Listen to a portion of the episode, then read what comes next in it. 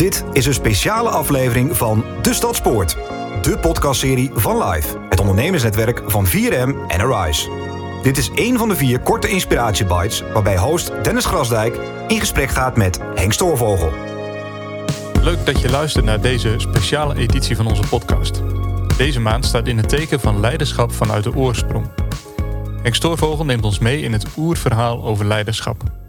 Leiderschap vanuit de oorsprong helpt leiders om vanuit de diepste wortels van het joods-christelijke denken hun leiderschap vorm te geven. Het is een reis waarin leiders van binnenuit veranderen en groeien in hun effectiviteit als leider. Deze reis doorlopen we in vier weken, met iedere week een ander inspirerend inzicht over leiderschap. De eerste twee etappes van deze reis gingen over het scheppingsverhaal, de grotere versie van de realiteit, en over Kain en Abel, over diepe drijfveren. Vandaag het derde verhaal uit de oergeschiedenis. Henk, tof dat je er weer bent. Waar uh, neem je ons vandaag in mee? Ik neem jullie vandaag mee in het verhaal van Noach rondom het thema het vermogen tot verzet. Ik ben benieuwd. Als we kijken naar het derde verhaal van Noach, uh, en vaak is nog een soort toonbeeld voor ons van rechtschapenheid. Hij wordt ook in de Bijbel een paar keer de rechtvaardige wordt hij genoemd. En hij bouwde die grote ark en hij redde al die dieren en zijn gezin en de rest van de wereld werd onder de vloed werd hij bedolven. Maar wat was Noach toch rechtvaardig? Wat was hij nou toch goed? Maar als je zorgvuldig dit verhaal leest en ook de commentaren van veel van de grote rabbis daarover leest, dan komt hij er iets minder goed vanaf. Want wat was het nou met Noach? Noach die bouwde wel zijn ark, maar hij redde maar een paar mensen. Alleen zijn eigen gezin. Nou, ik werd getriggerd op dit thema toen ik een keer was op de Ark van Noach, een replica ervan, gebouwd door een vriend van mij, Johan Habers.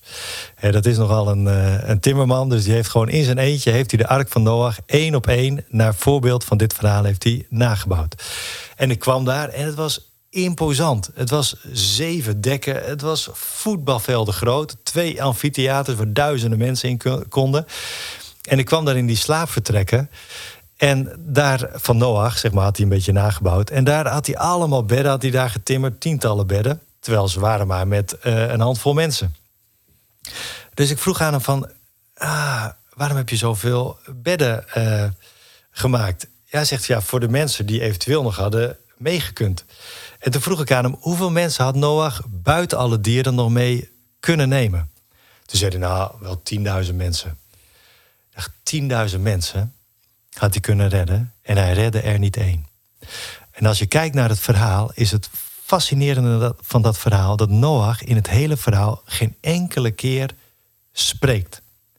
Terwijl we zagen in het eerste verhaal dat een van de belangrijkste vaardigheden voor een leider, voor een moreel leider, is die vaardigheid van het spreken. Vertolk wat je denkt, wat je vindt. En Noach zei niets. Het enige wat hij deed was die boot bouwen, de dieren redden, zijn gezin eh, redden en de rest liet hij allemaal verdrinken. Nou, als je kijkt naar dit verhaal ook in de spiegel met andere verhalen, uh, dan zie je dat Noach er eigenlijk niet zo goed van afkomt. Uh, Mozes werd ook gered in een ark, net als Noach in zijn ark. Maar Mozes redde het hele volk. En Mozes kwam in verzet. Noach die komt niet in verzet, die voert alleen maar de dingen van God uit. Uh, God zegt tegen Noach: Ik ga de hele wereld verwoesten. Uh, Noach zegt, zegt niks, hij bouwt die ark. God zegt tegen Abraham een paar hoofdstukken later: Ik ga Sodom en Gomorra verwoesten. Wat doet Abraham? Abraham zegt: Maar daar komt niks van in. En hij gaat bidden als brugman. Hij komt in het verzet en hij gaat onderhandelen. Van vijftig rechtvaardig uiteindelijk tot, tot tien. Uh, Abraham kende het vermogen tot verzet. Mozes kende het vermogen tot verzet. Als we kijken naar Noach, hij kende niet het vermogen tot verzet. Hij kende alleen het vermogen tot handelen. En dat is een continuum.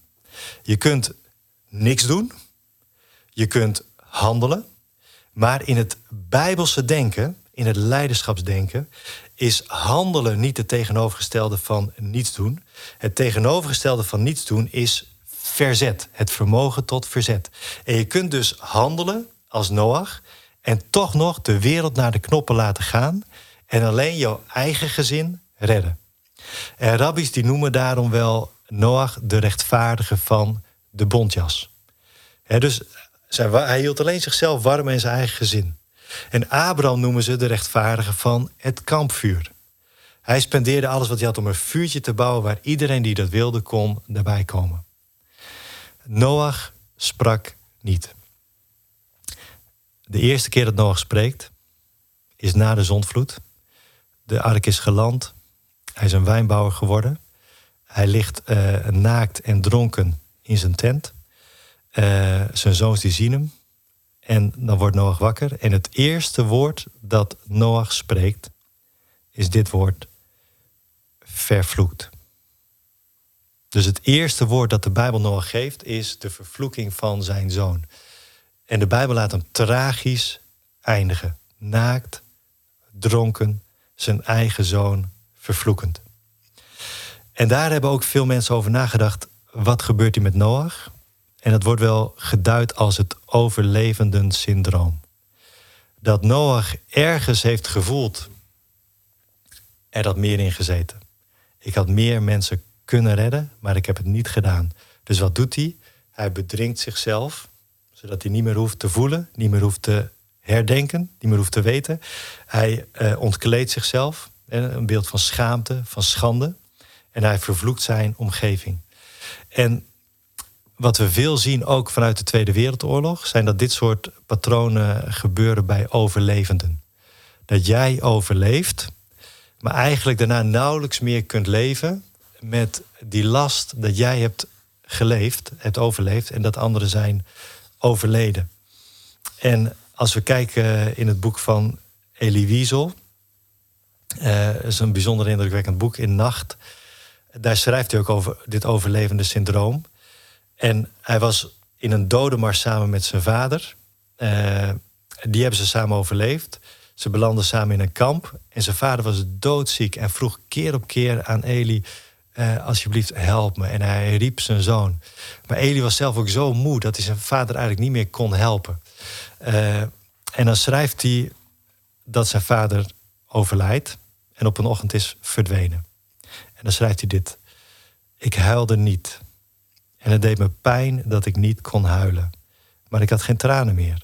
En als ik diep in mezelf, in de verste uithoeken van mijn zwakke geweten had gegraven, had ik misschien zoiets gevonden als eindelijk vrij.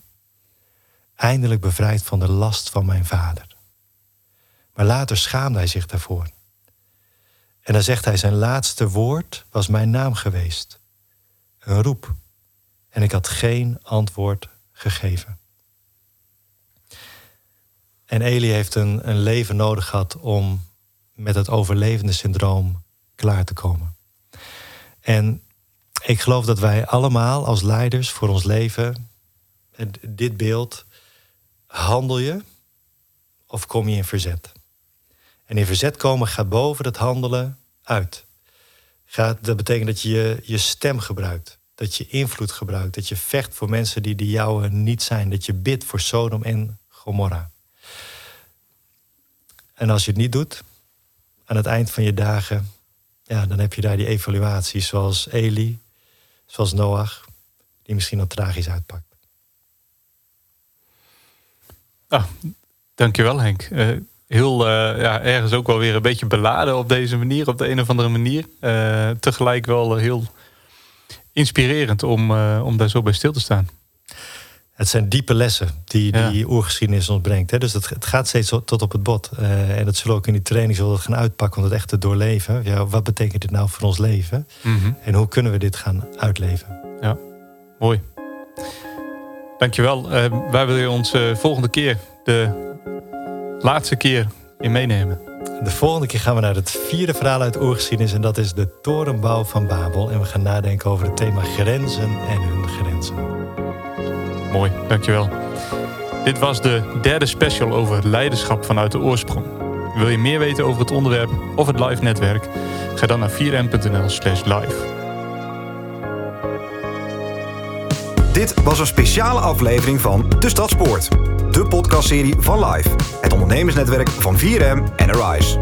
Dit was één van de vier korte inspiratiebites waarbij host Dennis Grasdijk in gesprek was met Henk Stoorvogel.